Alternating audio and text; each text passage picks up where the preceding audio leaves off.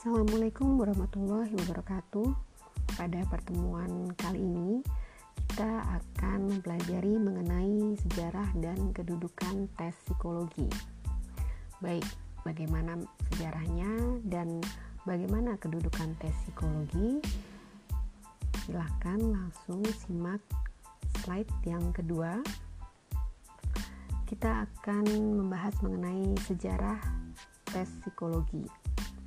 Jadi, kata tes dalam bahasa Latin biasa dikenal sebagai testum, di mana dalam hal ini berarti alat yang dipakai untuk memeriksa dalam menentukan suatu mutu atau suatu uh, kualitas begitu ya. Sejarah perkembangan dimulainya alat tes sebenarnya sudah ada sejak sebelum Masehi dan sudah dilakukan sejak berabad-abad lamanya.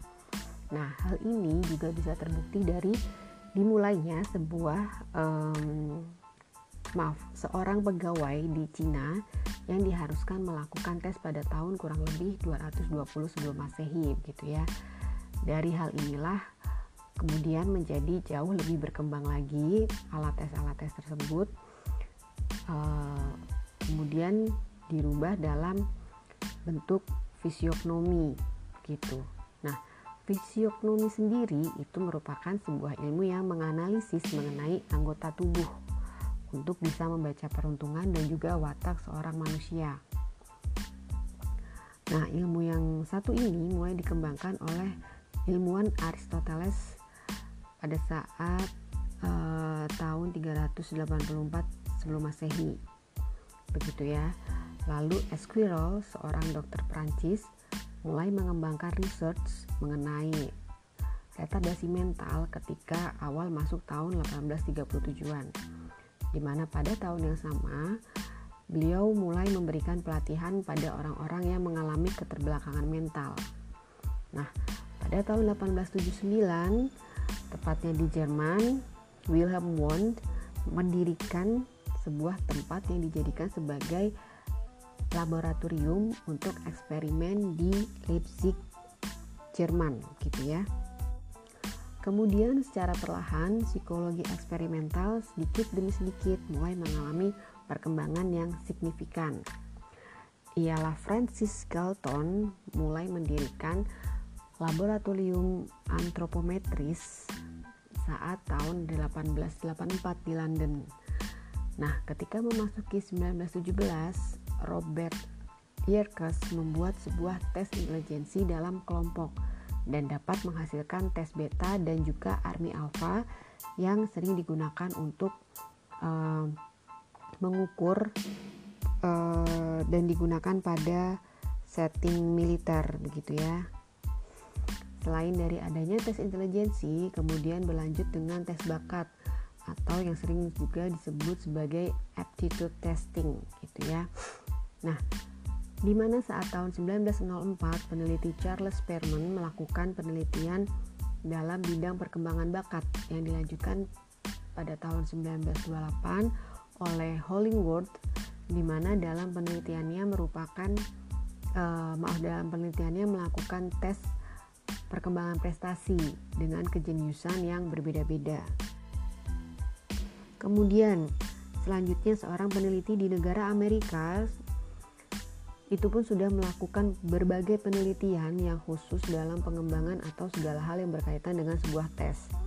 Nah, kemudian dilanjutkan selama 10 tahun oleh Double L Thurston dari Inggris.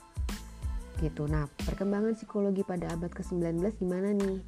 Nah, dalam sejarah perkembangan tes psikologi ketika memasuki abad 19, psikologi eksperimental berubah menjadi sebuah pengukuran dan perbedaan individual gitu saat itu adapun tujuan yang diselenggarakan hal ini merupakan sebuah lulusan agar bisa mengetahui hal-hal yang berkaitan dengan perilaku manusia gitu ya. Nah, dalam hal ini juga keseragaman menjadi salah satu hal yang perlu diperhatikan, bukan hanya dilihat dari adanya perbedaan-perbedaan yang muncul. Kemudian saat itu pun ketika ada sebuah masalah perlu dilakukan penelaahan dengan baik gitu misalnya segala hal yang menyangkut dengan kepekaan uh, sebuah gangguan amnesia misalkan pendengaran dan juga berbagai indera yang diperdengarkan agar nantinya bisa mempengaruhi jalannya sebuah pergerakan di dalam tes psikologi. Jadi semua gejala yang muncul itu bisa diobservasi dan bisa dijadikan data untuk memperkuat diagnosa nantinya. Nah, lalu hakikat dalam tes psikologi. Nah, dalam sejarah perkembangan tes psikologi, fungsi tes sendiri dilakukan dengan tujuan agar bisa mengukur perbedaan dan juga adanya penelitian mengenai seorang individu yang dilakukan dalam berbagai setting untuk mengetahui berbagai reaksi satu sama lain yang saling berbeda gitu ya. Lalu tes-tes yang dilakukan dalam hal ini dilakukan untuk bisa menyelaraskan berbagai kebutuhan dan juga membuktikan sebuah penilaian mengenai kepribadian individu. Ya, kemudian seleksi atau sebuah tes yang dilakukan dalam setting industri organisasi itu lebih digunakan untuk mengetahui kebutuhan-kebutuhan individu dalam setting pekerjaannya yang dapat dilakukan dengan cara bertahap begitu ya. Lalu uh, keterlibatan dalam segala aspek yang menyangkut testing psikologis itu juga bisa dilakukan dengan cara bertahap sesuai dengan prosesnya dengan tujuan agar bisa lebih memahami mengenai aspek kehidupan seseorang sehingga uh, hubungan interpersonal dan intrapersonal juga perkembangan emosi itu dapat diketahui dengan uh, lebih baik begitu.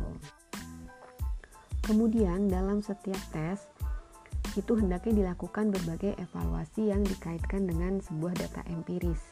Begitu jadi datanya jelas pasti gitu. Nah, dalam sebuah tes, skor yang dilakukan bisa diinterpretasikan agar bisa membandingkan sebuah skor dan didapatkan sebuah hasil tesnya. Begitu nah manfaat tes psikologi adalah yang pertama untuk melakukan klarifikasi, interpretasi, deskripsi dan prediksi. Prediksi yang dimaksud di sini adalah pemecahan sebuah masalah atau problem gitu ya. Nah, untuk mengetahui minat dan bakat itu juga merupakan manfaat dari tes psikologi. Jadi uh, agar bisa menyesuaikan dengan jurusan yang akan diambil, kita bisa melakukan tes minat bakat agar apa yang um, kita lakukan atau apa yang kita pilih mengenai jurusan kuliah dapat sesuai dengan minat dan bakat yang kita miliki. Begitu. Lalu untuk mengetahui tingkat intelijensi seorang individu itu manfaat lain dari tes psikologi. Kemudian manfaat tes psikologi dalam bidang klinis yaitu sebagai salah satu tools atau salah satu alat dalam proses asesmen yang digunakan untuk membantu proses diagnosa. Lalu manfaat tes psikologi dalam bidang industri dan organisasi Salah satunya sebagai media untuk evaluasi dalam proses seleksi karyawan. Selain itu juga sebagai salah satu tools untuk promosi jabatan bagi seorang karyawan. Nah, mengenai asesmen psikologi.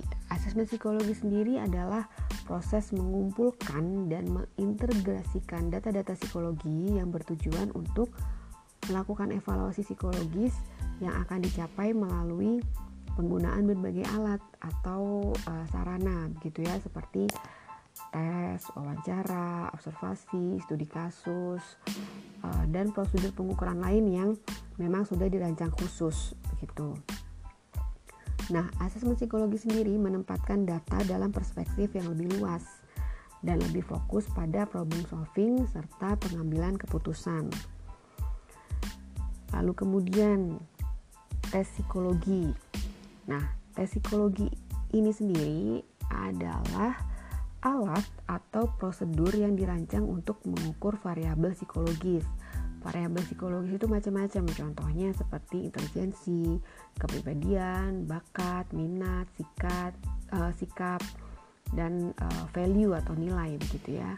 Yang objek pengukurannya ialah sampel perilaku individu Nah, sampel perilaku ini dapat berupa respon terhadap kuesioner tertulis, jawaban lisan atas pertanyaan, atau performance atas tugas-tugas tertentu. Kemudian, uh, hal tersebut didapatkan dari stimulus dalam tes atau perilaku yang muncul secara alami yang dapat diamati.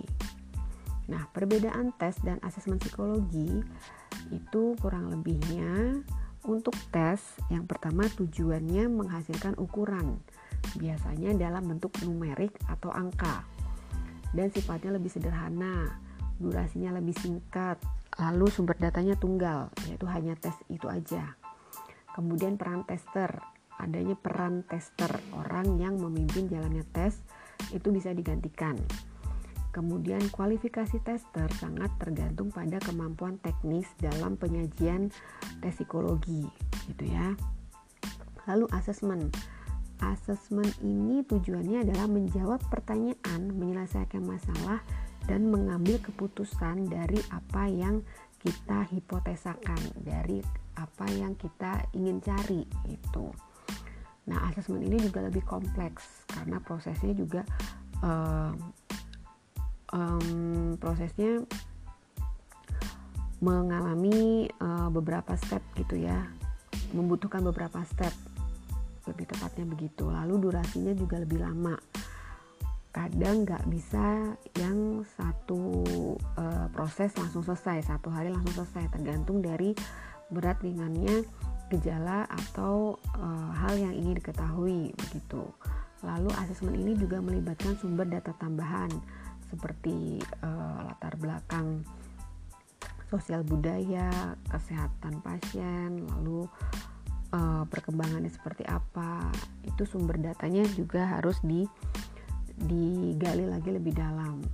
Lalu peran asesor, orang yang melakukan asesmen itu tidak bisa diganti.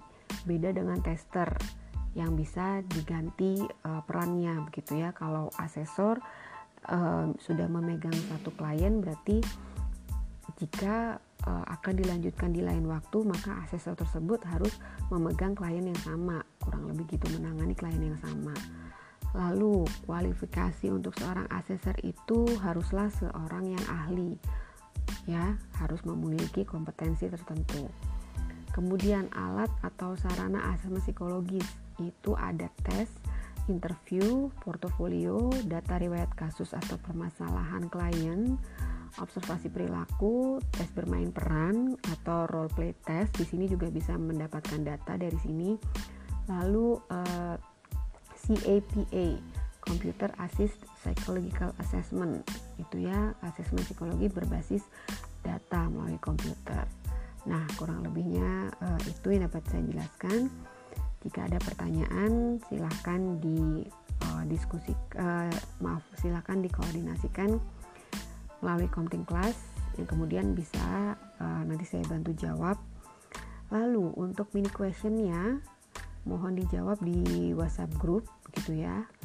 Adalah apa yang teman-teman ketahui mengenai asesmen psikologi, gitu ya mini questionnya adalah apa yang teman-teman ketahui mengenai asesmen psikologi.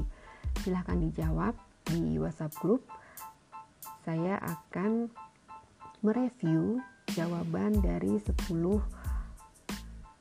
jawaban pertama. Begitu ya jadi 10 orang yang menjawab di awal akan saya, saya review. Namun yang lainnya tetap akan uh, saya catat keaktifannya. Begitu ya, terima kasih atas atensi teman-teman. Jika ada yang kurang berkenan, saya mohon maaf. Akhir kata, wassalamualaikum warahmatullahi wabarakatuh.